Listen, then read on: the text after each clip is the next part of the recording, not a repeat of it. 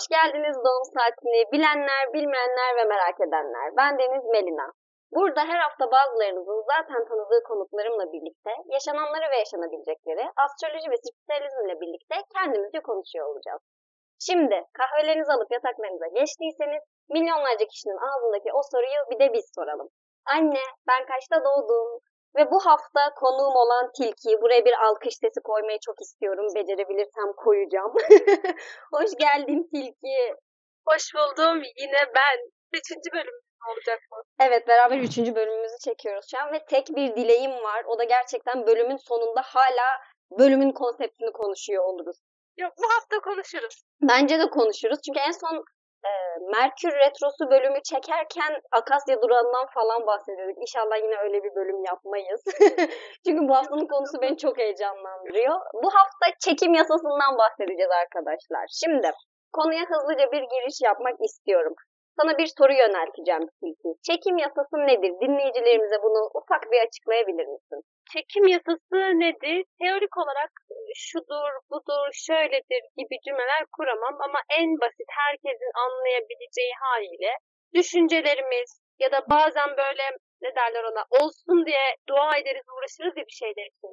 Sonra da bir bakarız o şey olmuş. Çekim yasası bu aslında. Bazen bir hayal olarak bunu çalıştırıyoruz. Bazen dua ediyoruz bize doğru geliyor. Bazen de bilinçli olarak bir takım ritüeller yapıyoruz ve hayatımıza çekiyoruz. Şimdi bilinçli ve bilinçsiz olarak ikiye ayrılıyor. Genellikle insanlar bilinçsiz olarak yapıyor ama bizler bilinçli olarak çekim yasasını nasıl kullanabiliriz? Bu bölümde bunu konuşacağız. Aslında şöyle toplumumuzda çekim yasasının şöyle bir yeri var. Bir şeyi 40 kere söylersen olur. Doğru evet bak yani böyle atasözleri falan da haklı. Ben önceden bu sözü hiç anlamazdım bu arada. Bir şeyi 40 kere söylersen olur lafı çok duyardım. Hiçbir zaman anlamazdım. İyiyi de kötüyü de 40 kere söyleyince oluyor. Zaten bölümün ilerleyen dakikalarında bundan bahsedeceğim. Ben geçen gün oturdum, bir düşündüm ve çekim yasasıyla hayatıma farkında olmadan çektiğim şeyleri gözlemledim. Resmen hayatımı çekim yasasıyla değiştirmişim ve ben önceden hani Twitter'da böyle yazılıp çizilirdi. Çekim yasasıyla hayatıma şunu çektim, çekim yasasıyla hayatımı değiştirdim falan derdim ki ya bir git Allah aşkına. Ama gerçekten bir noktada takır takır çalıştırmışım. Birazdan bunlardan bahsedeceğim. Bunlara girmeden önce seninle çekim yasası yöntemlerini konuşmak istiyorum. Çünkü Twitter'da senin paylaştığın çekim yasası yöntemlerini herkesle birlikte ben de deniyorum. Ve çok güzel sonuçlar alıyorum. Sen harika yöntemler üretiyorsun. Harika ritüeller buluyorsun. Bize biraz bunlardan bahsetmeni istiyorum. Nasıl çekim yasası çalıştırılır? Nasıl hayatımıza istediğimiz şeyi çekeriz? Şimdi ben önceden böyle kanallar izlerdim, araştırmalar yapardım. Daha ondan önce şeyi söyleyeceğim. Ben hiç inanmazdım bu arada böyle şeylerin gerçekleşebileceğine. Ama işte hani umut fakirin ekmeği derler ya böyle çok istediğim bir şeyin olması için hani araştırırdım bir şeyler karşıma çıkardı bir şekilde. Hep denerdim denerdim olmazdı. Mutlaka şu an bunu dinleyenler de söyleyecek. E, çekim yasası var, ritüeller, şunlar bunlar var siz anlatıyorsunuz ben deniyorum olmuyor. Bazen bana da çok yazanlar oluyor. Olmuyor ben yapınca değil ama püf noktası var işin inanmak. Gerçekten inanmak gerek çekim yasasını yaparken. Çünkü oturup hani bir kahve içerken aklımızdan geçen bir şey gerçekleşiyor mesela. Buna çok kez herkes yaşamıştır hatta. Bu noktada bir şey değineceğim. Hı-hı. İnanmak evet işin püf noktası. Bununla birlikte oturup ben şimdi bunu düşündüm hadi çekim yasası çalışsın hadi bu gerçek olsun diye bunu 7-24 düşündüğün zaman da enerjiyi itiyorsun bence. Evet evet ya bu eşref saati diyorlar zaten toplum içinde bunu. Hani böyle çok aniden aklından bir şey geçer ya o olur ya bir yandan. Bu aslında biraz böyle inanmayla alakalı bir şey. Öyle düşünüyorum. Bilinçli bilinçsiz bunu biz zaten çalıştırıyoruz aslında. Ama bilinçli olarak nasıl çalıştırabiliriz? Yani tabii ki oturup böyle e, büyük ritüeller falan yapmaya gerek yok. Düşünerek, hayal ederek, yazarak, belki gözümüzün önünde böyle tablolar oluşturarak da çalıştırabiliriz ama inanarak yaptığın herhangi bir yöntem mutlaka işe yarıyor. Zamanı var. İnsanlar şeyi ayırt edemiyorlar. Ben bunu yaptım olmadı diyorlar mesela. Belki senin zamanın değildir. O noktayı çok kaçırıyor insanlar. Kendimden de örnek vereceğim çünkü. Mesela bazı isteklerim vardır. Onu sen bugün hayal edersin. Onun olması için gerekli temeller hazırlanmıştır. Gerekli bir altyapısı vardır. Sen de bugün bunun olması için tarot kartlarıyla çalışırsın ya da yazarsın bir yerlere ya da dua edersin. Bir şeyler yaparsın. Temeli zaten olduğu için bir gün sonra bile gerçekleşebilir. Ama bazı şeyler var mesela. Mesela benim 18 yıl sonra gerçekleşen bir manifestim oldu. 18 yıl yani burada 18 yıl tabii biraz şey işin abartısı da çocukluğumdan beri doğduğumdan beri istediğim bir şey vardı ve hep istedim ve imkansız bir şeydi. Ama 18 yaşında oldu mesela. Ya işte zamana bağlı o anladın mı? O istediğin şeyin bir altyapısı olması gerekiyor.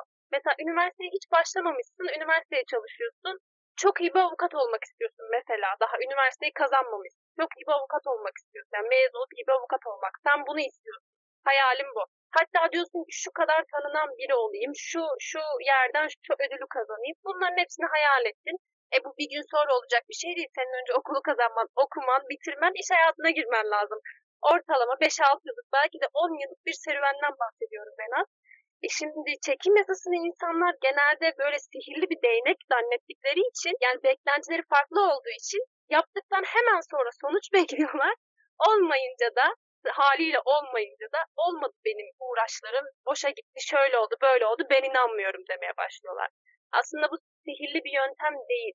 İnsanların zannettiği gibi bir perinin elinde asasıyla gelip de böyle puf yaptığı bir şey de değil. Her şey olması gereken zamanda oluyor. Sen sadece süreci kolaylaştırıyorsun. Hızlandırdığını zannetmiyorum bu arada ben bir şeyleri çekim yasasının. Öyle bir hız kazandırmıyor. Sadece süreci biraz daha rahatlatıyor diye düşünüyorum. Mesela ben de bunu şuradan bir örnek verebilirim. Benim bundan 3 yıl önce çok gerçekten biliyorsun ama 3 yıl önce çok hayalini kurduğum birisi vardı. Ama karşı taraf bana aynı hislerle yakın değildi. Şimdi ben kalkıp da o insanı sadece hayal ediyordum ama o insan bana gelsin şu olsun bu olsun demiyordum. Bilinçsizce yaptım ben bunu. Yani İlla ki hoşlandığımız, sevdiğimiz bir şeyi hayal ederiz yani keşke olsa diye. Ben de bu şekilde hayal ediyordum ama hayal ederken bile çok mutlu oluyordum. Keşke olsa diyordum yani ama hiç oturup onun için bir ritüel yapmadım, böyle özel olarak dua etmedim. Ama çok fazla imajine ederdim ister istemez. O insanla 3 sene sonra benim hayal ettiğim, imajine ettiğim şeyleri yaşamaya başladım. Ben bunu yeni yeni fark etmeye başladım. İşte zamanı var her şeyin. Mesela 3 sene önce olmadı şu an oluyor. Bu insana şu an ne değişti diye soruyorum. Daha da olgunlaşmış olduğunu söylüyor. Fikirlerinin değiştiğini söylüyor. Şimdi 3 sene önce bu insanın fikirleri farklıydı. Olgunluk seviyesi farklıydı. Hayat görüşü her şeyi farklıydı. E, o zaman ben çekim yasasını kullandım. Hadi şu bir gün sonra olsun olmuş olsaydı belki de mutsuz olurdum. Daha kötü olurdu. Yani olan şeyin de bizim hayrımıza sonuçlanması için yapmalıyız bence bu çekim yasası ya da manifest dediğimiz şey. Ya da dua ederken bile hayrımıza olan şeyi istememiz gerek. Çünkü sadece bu örnekteki gibi mutlu edici şeyleri değil, kötü şeyleri de çekebiliyoruz.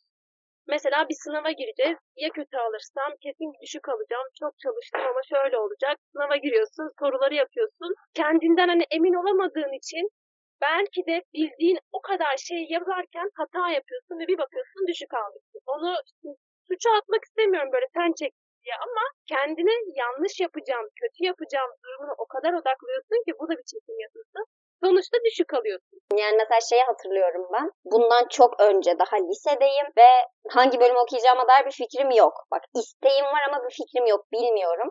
Ve bir ajans var binasına bakıp ileride umarım bunun gibi bir yerde çalışırım dedim. Ama bu bir manifest değil. Hani oturup yazmadım, çizmedim. Hani bazen resim çiziliyor mesela çekim yasasını çalıştırmak için. Yaşamak istediğin evi çiziyorsun vesaire. Hiç böyle bir şey yapmadım. Sadece o gün dedim ki ileride umarım böyle bir yerde çalışırım. Ve öyle bir yerde değil. Tam olarak bu binaya bakıp söylediğim ajansta ben iki sene çalıştım. Ya aslında manifest etmişsin sen de. evet ama farkında Farkında değilim manifest. Aynen asla farkındayım. Zaten o zamanlar çekim yasası ne manifest ne hiçbir fikrim yok. Bak mesela şey uğraştığım bir de bunda mesela hiç yazıp çizmedim ama ben psikoloji okumayı çok istiyordum çocukluğumdan beri ve her hıdrellezde şey yapıyordum e, böyle o zamanlar dileklerinizi yazın çizin toprağa gömün falan diyorlardı ya aslında bu da bir çekim yasası. Her hıdrellezde psikoloji, psikoloji, psikoloji çocukluğumdan beri yazıyorum, çiziyorum bilmem bambaşka bir bölüm kazandım. İki gün tabii kendimi odama kapamalar, ağlamalar bilmem ne. Allah'ım niye psikoloji kazanamadım falan. Şimdi bundan 10 gün önce e, psikoloji çift anadal başvurusu yaptım. İki gün içerisinde sonuçları açıklanacak. Ve belki de psikoloji okuyabilme şansım var şu anda. Hani bu da mesela burada çalıştı. Çok garip bir şekilde. Ay, umarım bu arada güzel sonuçlanır. İyi hissediyorum. Ben de sana güzelliklerimi gönderiyorum. Ama dediğin şeye de katılıyorum bir yandan. Yani evet farkında olarak da olmayarak da bize kullanıyoruz çekim yasasını ya. Bence hayatımıza yön veriyor hatta. Kesinlikle öyle. Yani hani şunu yazdım, bunu yazdım. Hiç ona bile gerek yok. Hani hayal ediyoruz ya gün içinde. O bile aslında çekiyor bazı şeyleri. Ya en basitinden o çalıştığım ajansta podcast projesi vardı. Bir podcast çıkartıyorduk. Ve işte bunun sosyal medyasını ben yönetiyordum. Sosyal medya yöneticisiydim. Ve ilk podcast çıktığında şey demiştim ya acaba benim bir gün podcast'im olsa nasıl olur demiştim. Ama o zamanlar hiç hani aklımda böyle bir düşünce yok podcast'im olsun diye. Aklımda bir fikir yok, bir istek yok. Sadece kendi kendime acaba bir gün benim podcast'im olsa nasıl olurdu diye sordum ve şu anda bu podcast'te bölüm çekiyoruz. Bak işte gelmiş çekmişsin. yani hem podcast'i çekmişsin hem de isteğin olmuş. Yani Evet. çekmişsin kendine. Ya bir sürü de yöntem var. Bak mesela hani hayal ediyoruz dedim ya. Yazarak yapma işi de bazı insanlarda çok işe yarıyor. Çünkü onu yazarken aslında bir şekilde içselleştiriyorsun ve inancını daha çok sağlayabiliyor. Ama bazı insanlarda yazmak değil, görsel olarak bir şeyleri görmek etki ediyor.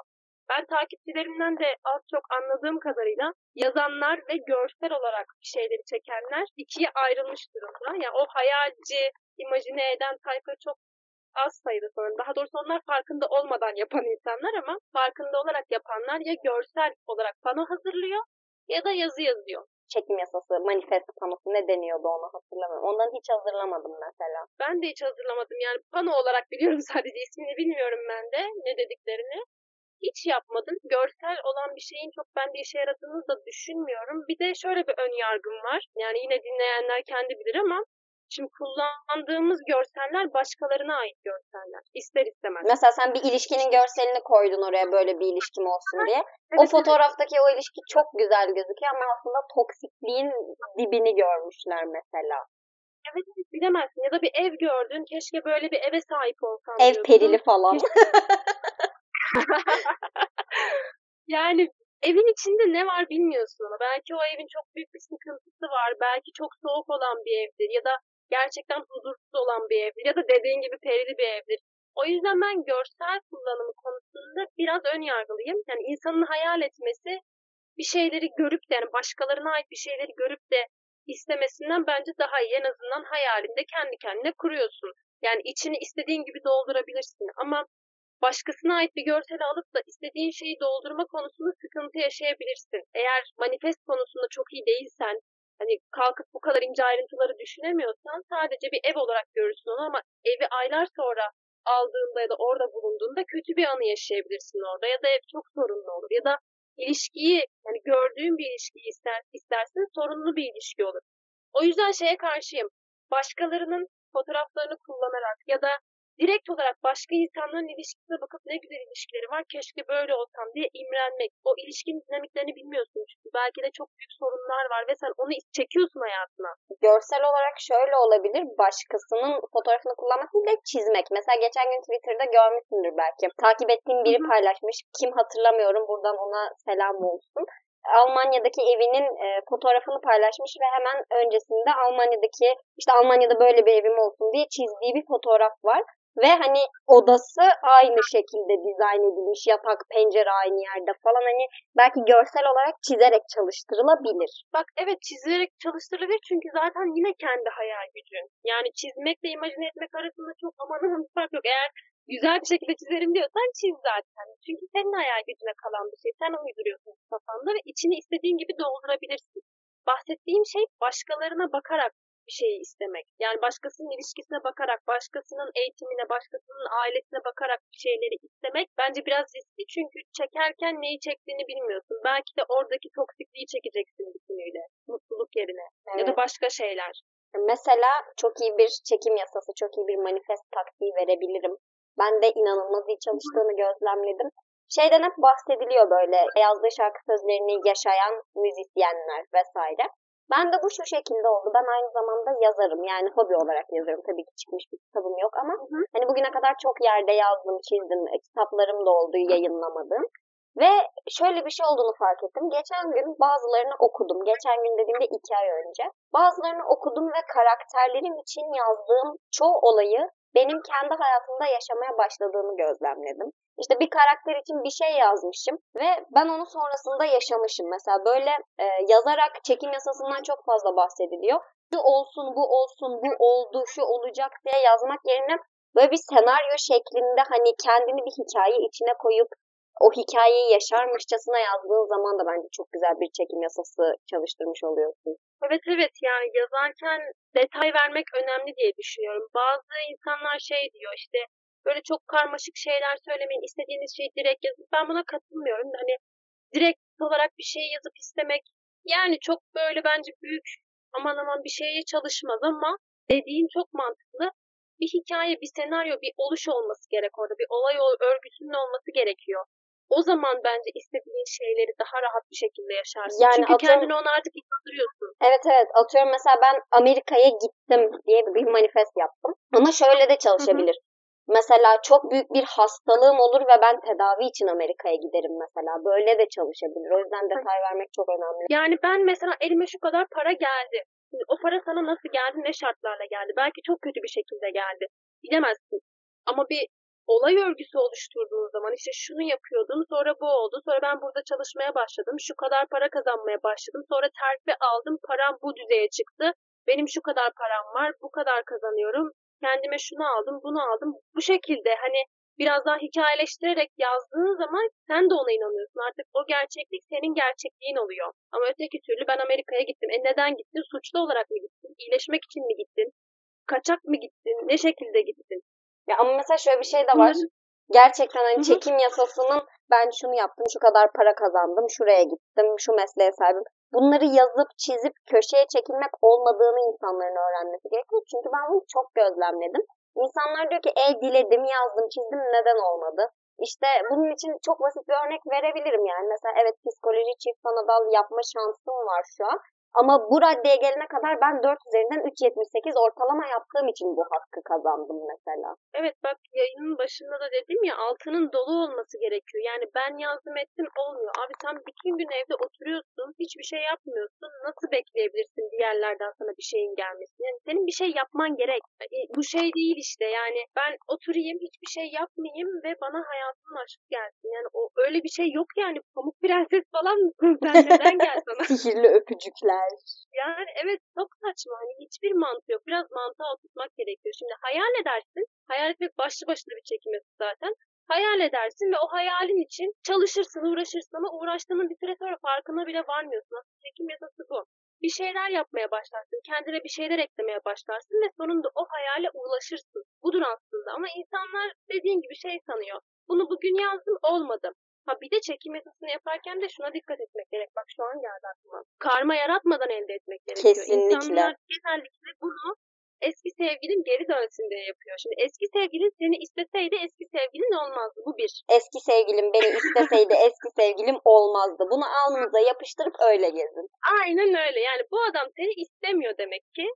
Sana karşı bir şey hissetmiyor. Ben şimdi bunu böyle açık açık söyleyeceğim. Üzülmesini istemiyorum insanların ama bazen üzülmek gerek. Karşındaki insan seni istemiyor, seni sevmiyor ve sen hala onun sana gelmesi için ritüel yapıyorsun, manifest yapıyorsun, böyle şeylerle uğraşıyorsun. Hem kendine bir karma yaratıyorsun hem de ya bu çok kötü bir şey bence seni istemeyen bir insan için sürekli uğraşmak ve kendine böyle bir insan için karma yaratmak çok çok kötü bir şey. Uzun bir süre sonra bazen yıllar bazen aylar sonra geçmişe bakınca ben neden böyle bir şey yaptım diye de kendine kızabiliyor insan. Psikolojik açıdan da yıpratan bir şey. Nereden biliyorsunuz diye sormayın ama bunları biz hep yaşadık çünkü. Yaşayarak tecrübe ettik. Yılların deneyimi olarak burada konuşuyorum. Bayağı yılların deneyimi bu. Tabii ben şey demiyorum şimdi üzülmesinler etmesinler. Ben de çünkü uğraştım o yollardan geçtim zamanında. Yani beni istemeyen insan için kalkıp ne olur bana geri dönsün diye dualar ediyordum. İnternette gördüğüm ritüelleri yapıyordum. Sakın yapmayın. Bence bunların hepsi size zarar getirir. Bana getirdi çünkü. Çekim yasasını bunlar için kullanmayın arkadaşlar. Hani özleyebilirsin geçmişini, hayal edebilirsin, keşke dersin, ona bir şey diyemeyiz. Yani düşünmeyi durduramazsın ama bilinçli olarak kalkıp da şu insan bana dönsün, sevgilisinden ayrılsın, şöyle olsun, böyle olsun, yok pişman olsun. Bana geri dönmesini istemiyorum ama sürünmesini istiyorum. Böyle şeylere kesinlikle girmeyin. Ve her anlamda baltalıyor bence insanları. Bu başarını da etki ediyor çünkü sen kafanı artık oraya o kadar takıyorsun ki okula gitmemeye başlıyorsun. Ya da iş yerinde verimli çalışmıyorsun. Ailenle arkadaşlarınla ilişkilerin bozuyor. Her anlamda çok kötü. Evet bunlar çok kilit noktalar.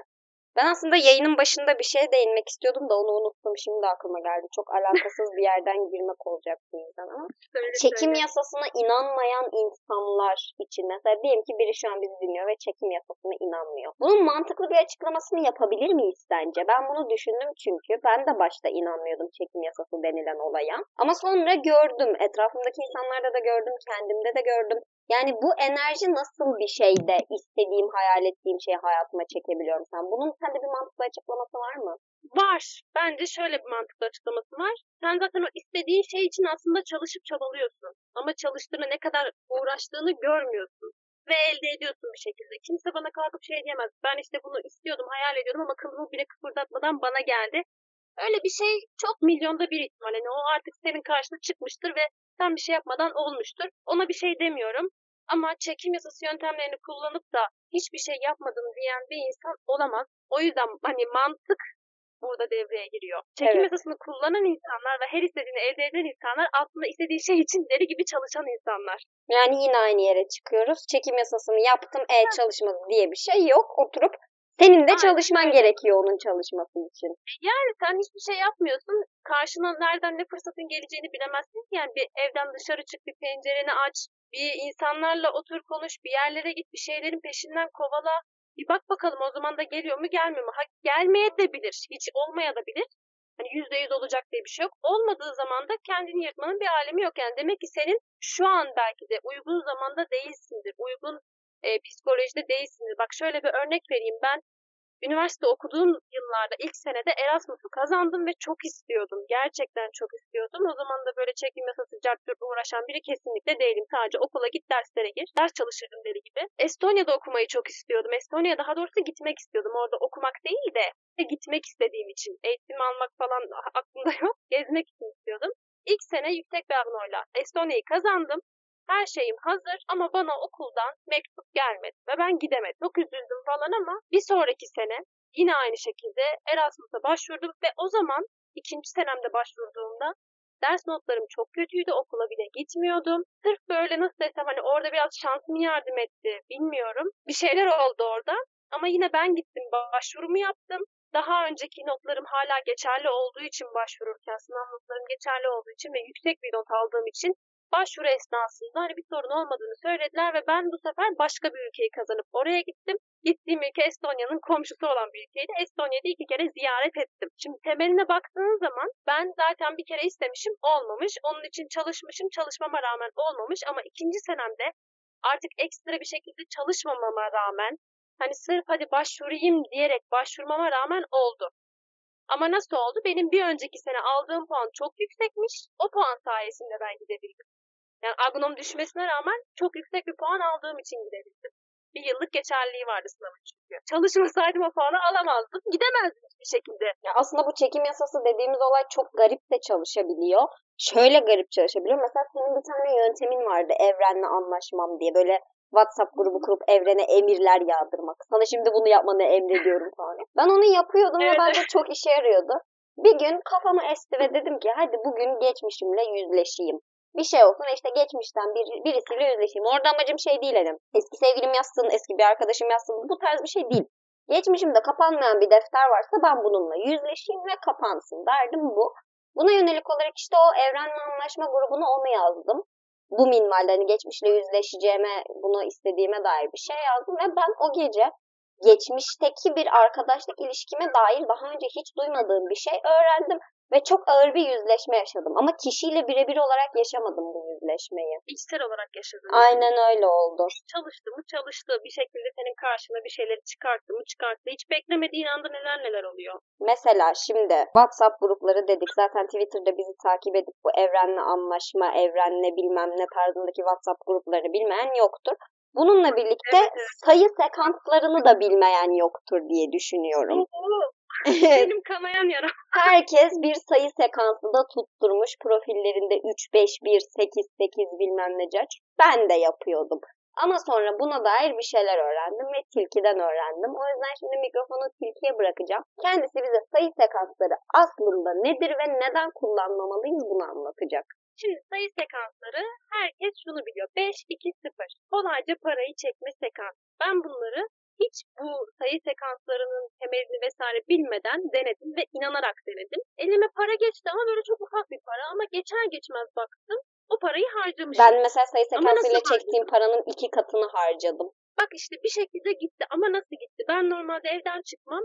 Bana sayı sekansıyla bir anda para geldi ve çok plansız bir şekilde, çok ani bir şekilde evden çıkıp o parayı harcadım. Fazla fazla gitti. Yani 30 lira geldiyse 50-60 lira harcadım. Para geldi ama gitti. Ve ağır bir şekilde gitti. Hani 30-40 lira büyük bir şey değil ama yani 30 liranın üzerine 60 lira gitti gibi düşün. Bu aslında büyük bir sorun. Ve ortada bir buluşma yokken gitti bu. Aynı gün olmak zorunda değil. Bir hafta sonra gidebiliyor. Ya da mesela aşkı çekmek için yaptım. Aşk için de yaptım bu arada. Aşk için özellikle yaptım. Çünkü aşk acısı çektiğim bir dönemde. Eski erkek arkadaşımı düşünerek çok yaptım. Yine söylüyorum insanları düşünerek manifest yapmayın. Her şekilde kötü ama ben hani sadece erkek arkadaşımı düşünerek değil de hani artık aşk hayatım yoluna girsin şu bu diyerek niyetlemiştim. Daha sonra da hani ister istemez geliyor aklıma çocuk. Hani gönlümden geçen de o diyerek sekansı kullandım. Sonra erkek arkadaşım geldi. Beni bir güzel kendine inandırdı ve ertesi gün bir anda bana çok kötü davrandı. Çok kullanılmış hissettim mesela. Çok kötü bir şekilde gitti. Yani gelişi beni çok heyecanlandırdı ama gidişi darma duman etti. Keşke hiç gelmeseydi dedim. Daha sonra ben sayı sekanslarını biraz araştırmaya başladım. Sekansların babası dediğimiz kişi Grigori Gribavoi. Kendisi isminden de anlaşılacağı üzere Rus. Kimdir ne değildir araştırıyorum. Şimdi Türkçe kaynak bulamıyoruz kişiyle alakalı. Olan kaynaklar sadece adamı övüyor ve sayı sekanslarını paylaşan eğitimler, videolar, pdf'ler var. Ama bu adam aslında kim? Bununla alakalı bilgi yok. Bir araştırdım ki şunları gördüm. Kendisi İsa olduğunu, Mesih olduğunu iddia ediyor. Mesihliğini ortaya koymuş. Kendi e, ne derler ona tarikat üyeleri gibi bir şeyi var sanırım. Böyle topluluğu var kendine ait bir topluluk. AIDS'i tedavi edebildiğini söylüyor ama bildiğimiz yollarla yani bilimsel açıdan e, ameliyatla şunla bununla değil ya da ilaç tedavisiyle falan değil tamamen kendi ruhani güçleriyle AIDS'i tedavi edebildiğini söylüyor. Teleport yani ışınlanmayı bildiğini, yapabildiğini söylüyor. Ölüleri ben diriltiyorum diyor ve sayı sekanslarını da kullanıyor. Sayı sekanslarını kişi üretmiş zaten bu kişi. Şimdi iddia ettiği şeylerin hepsi yani dinleyenler de şu an yok artık diyecektir. İddia ettiği şeylerin hepsi aslında uyduruk şeyler. Hatta Grigori sayı sekanslarıdır ve ölü diriltmedir. Ne bileyim şunu yapmaktır, ışınlanmaktır vesaire. Bunların üzerine pek çok insanı dolandırıyoruz ya da. Daha sonrasında da kendisini içeri alıyorlar. Bir 8-9 yıl sanırım hapis yatıyor. Daha sonra çıkıyor. Şimdi yeniden sayı sekansları paylaşıyor insanlarla. Aslında bir dolandırıcı. Yani baktığınız zaman gerçek bir spiritüel olduğunu düşünmüyorum ki enerjisini de çok kötü kullandığına inandığım bir insan. Ölüleri diriltmek, teleport yapmak, AIDS tedavi etmek, İsa olduğunu dile getirmek. Evet bunlar çok büyük neyse. iddialar çünkü yani. Ve bunların çoğunu sayı sekansıyla yaptığını mı iddia ediyor? Orayı doğru mu anladım? Evet evet yani sayı sekanslarını kullandığını söylüyor. İşte şunu ölüyü dirilttim, şunu yaptım, bunu yaptım da te, tabii bunların hepsini sayı sekansı yaptığını söylemiyor ama sayı sekanslarıyla bir sürü şey elde edebileceğimizi söylüyor aslında. Şimdi baktığınız zaman her, her şey için bir sekans uydurmuş. Mantıklı baktığın zaman bu adamın kötü böyle manipülatif yani kendini İsa yerine koyan bir adam olmasını bir kenara attım. Senin benim gibi kanlı canlı etten kemikten bir insanın ortaya attığı. Mesela şu an ben de derim 1, 2, 3 yaz bir kağıda sana para gelsin derim. Hani bunun mantığına inanmak ne kadar mantıklı. Evet yani hiçbir mantığı yok ki ben enerjisini kötüye kullandığını düşündüğüm için sekansları kullanmıyorum. Çünkü bu sekansı kullanan kim varsa hangi konuda kullandıysa o konuda da ağır bir şey yaşamış. Mesela bir takipçim yazmıştı bana ben sekanslarla ilgili konuşunca. Daha önce fark etmemiştim ama ben bu sekansı kullanıp şöyle şöyle para istemiştim. Bana o kadar para geldi. Ama bir saat sonra da abisinin ya da kardeşinin kaza haberini duymuş. Paranın daha fazlasını tedavi masrafları için kullanmışlar. Yani nasıl gittiğine bakar mısın? O kadar kötü bir şekilde Çok ağır. gitmiş Sekansı kullandığı için abisi ya da kardeşi kaza yaptı demiyorum ama paranın çıkışı çok kötü bir şekilde oluyor. Evet. Ve bunun gibi birçok örnek var. Hiç oturup denemeye bile gerek olmayan bir şey. Mesela mucizeleri hayatıma çekiyorum. Bunun için 7 7 7. Bu enerjiyi veriyor. 7 rakamını kullanın diyor. Mucizeleri çekersiniz. Bugüne kadar 7 rakamını kullanıp da gerçekten hayatında mucize diyebileceğimiz bir şeyi çekmiş birini görmedim. Mucize dediğimiz şey çünkü gözle de görsek inanmakta zorlanacağımız kadar büyük bir olay, büyük bir sürprizden bahseder. Ben bugüne kadar bunu kullanıp da gerçekten gözle görmesine rağmen inanamayacağım kadar büyük bir şey yaşadım diyen birine rastlamadım. Ha bak şu ayrı ben şuna inanıyorum. Sayıların gücüne inanıyorum. Ama bu noktada biraz daha e, şöyle inanıyorum. Sayı sekanslarıyla değil de numerolojik olarak sayıların gerçekten bazı şeyleri e, ifade ettiğine inanıyorum. Bununla birlikte zaten Tesla'nın da 3-6-9 teorisi. Hani bunlara inanıyorum. Ama sayı sekansı dediğimiz olay bence çok başka bir olay. Ya iyi niyetli değil zaten. Kişi hani ölülerle konuşmak, ölülerle iletişime geçmek, onları diriltmek, bu tür şeylerle uğraşıyorsa zaten farklı amaçları da vardır bu kişinin. Yani çok doğru inancı sahip olduğunu düşünmüyorum. E bir de şöyle bir sözüm vardı yani benim. Siz kalkıp da nasılsa elimdeki sabun diyerek çamaşırınızı çamurlu bir suda yıkarsanız o sabuna rağmen temizleyemezsiniz. Size duru bir su gerekiyor. Çok doğru bir söz bu arada. Ben doğruyum. Şeyi fark ettin mi? Bu bölümde hiç Merkür Retrosu bölümünde yaptığımız gibi cıvıtmadık. Aşırı ciddi ve güzel ve akıcı konuştuk. İkimizle de gurur duyuyorum şu anda. Evet, hemen dağılalım. Hemen dağılalım ve bu bölümde yine Akasya Duran'dan bahsedeceğiz. Yok yok Akasya Duran'dan bahsetmeyeceğim.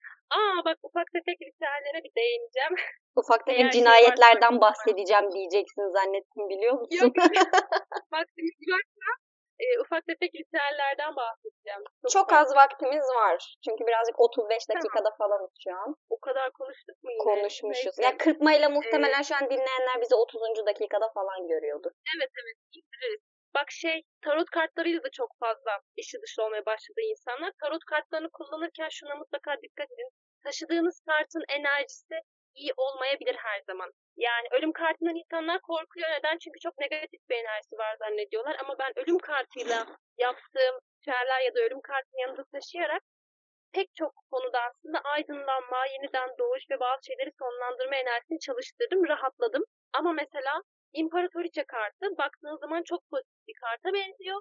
Ama o kartı kullandığınız zaman karşına neyin çıkacağına da dikkat etmek gerek. Tabii şey demiyorum, gidin ölüm kartı kullanın, İmparatoriçe kullanmayın demiyorum ama her zaman beklediğiniz şey olmayabilir. Tarot kartlarını kullanırken dikkat edin. Yastık altına falan koyuyoruz, işte para gelsin diye imparatoriçe koyuyoruz ama imparatoriçenin bir anlamı da doğurganlık, hamile kalmak size. Kullanırken çok dikkatli olmak gerekiyor Evet. Mesela şey de var. e, bu Charm Trap'in kolyeleri de var. Buraya araya ufak bir reklam sokayım. Ben bu kolyelerin ekmeğini çok yedim. Boynumda imparatoriçe kolyesi varken e, Almanya'daki iş teklifinden olumlu bir geri dönüş aldım. Başka iş teklifleri aldım. Bununla birlikte annem bir gün imparatoriçe kolyemi aldı, taktı ve iş hayatında müthiş gelişmeler yaşadı. Ve bolluk bereket getirdi. Bununla birlikte işte aşıklar kartı kolyesini taktığımda aşk hayatımda çok ciddi bir yol ayrımına gittim ve işte bir karar alıp bambaşka bir yönde yürümeye başladım vesaire. Yani Charm Trap'ten kolye alarak da kartların enerjisini çalıştırabilirsiniz diye araya ufak bir reklam sokmak isterim. kartları sürekli yanımızda taşıyamayacağımıza göre kolyelerle, sembollerle bir şekilde de çalıştırabiliriz. Bunun yanı sıra ben bir şey daha söyleyeceğim size. Bunu yeni uydurdum. Jüpiter sembolünü bileğime yazıyorum. Sol bileğime. Bana işte para gelsin, işte şans getirsin, şunu getirsin, bunu getirsin. Ne olduğunu söylemeyeceğim ama bu sembolü kullandıktan sonra benim istediğim şey hani doğrudan istediğim şekilde değil ama dolaylı olarak farklı bir şekilde karşıma çıktı. Onu da söylemek istiyorum. Yine isterseniz sayfama girip ritüellere bakabilirsiniz. Daha Yani- uzun anlatmayacağım. Çok hızlı oldu. Yani kısacası bir sürü çekim yasası tekniği var. Bunları bizim hesaplarımızdan öğrenebilirsiniz. Her zaman paylaşıyoruz. Tabii ben en son paylaştığımda linç yediğim için kaldırdım ama insanlar bunu paylaşıyor. Bununla birlikte e, kendi çekim yasası taktiklerinizi kendiniz bulabilirsiniz, kendiniz uydurabilirsiniz. Yok ben yazıp çizmekle uğraşamam diyorsanız içten dileyip e, gerçek olması için elinizden geleni yapabilirsiniz. Kısacası sadece hayatınızda çekim yasasına bel bağlamayın ama çekim yasasında kalmayın diyebilirim. Aynen öyle. İnanç her şeyin başı. E o zaman bu bölümü de burada bitirebiliriz artık. Evet hadi hoşça kalın. İyi akşamlar. Biz çok Hepinizi çok öpüyorum arkadaşlar. Kendinize çok çok iyi bakın.